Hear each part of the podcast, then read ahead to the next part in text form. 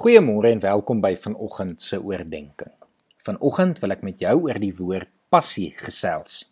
Alhoewel daar baie betekenisse aan die woord is, wil ek vanoggend op twee betekenisse fokus. Die eerste is lyding.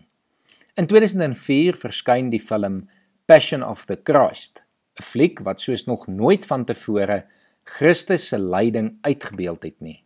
Vandaar dan ook die titel van die film. Passie wat hier verwys na die latynse woord verleiding. Met ander woorde, die film sou ook die lyding van Christus genoem kon word. Dit is ook hoekom ons praat van 'n passie spele wanneer die Paasverhaal van Christus se kruisiging opgevoer word. 'n Ander betekenis van passie is die emosie wat mense voel. 'n Skrywer definieer passie as 'n gevoel so diep dat dit die grens van fisiese of sielkundige pyn oorskry. Christus het hierdie emosie, hierdie passie, hierdie liefde vir die mensdom gehad en was daarom bereid om ook die fisiese passie of lyding namens ons deur te gaan. Christus se passie vir ons het sy passie in hierdie wêreld tot gevolg gehad. Die vraag is dan hoe ek en jy op Christus se passie, beide sy liefde en sy lyding reageer. Natuurlik is daar net een gepaste reaksie en dit is met passie. Ek en jy behoort met dieselfde emosie as wat Christus vir ons geopenbaar het te antwoord. Ons moet met net soveel passie vir Christus lief hê en selfs bereid wees om vir hom te ly soos hy vir ons gelei het. 2 Korintiërs 5 vers 14 tot 21 verwoord hierdie. Baie mooi en ek lees dit vir ons voor.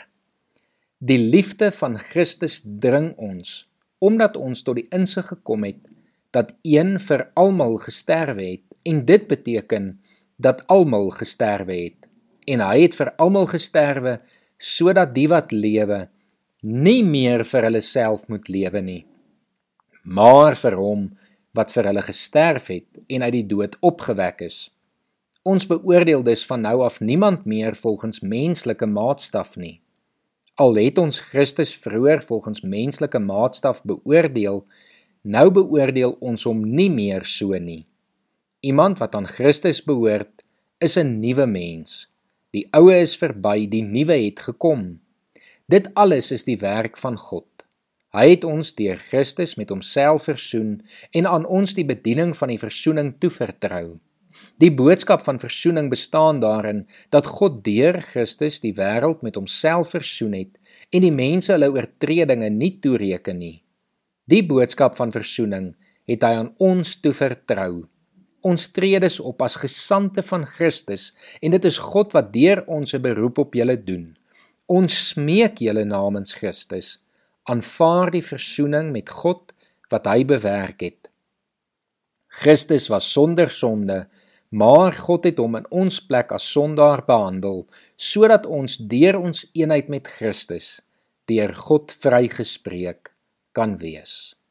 Mag die liefde van Christus jou dring om met passie nie meer vir jouself nie, maar vir hom te lewe. Kom ons bid saam.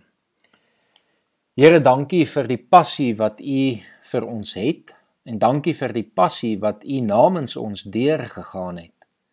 Here, ons wil graag met passie teenoor U reageer en ons wil in hierdie wêreld gaan leef met 'n passie vir U, Here, sodat mense ons liefde vir U kan raak sien en dat mense U liefde deur ons ook kan beleef, Here. En daarom vra ons dat U ons hiermee sal help. Ons dankie vir alles wat U is en vir alles wat U doen. Amen.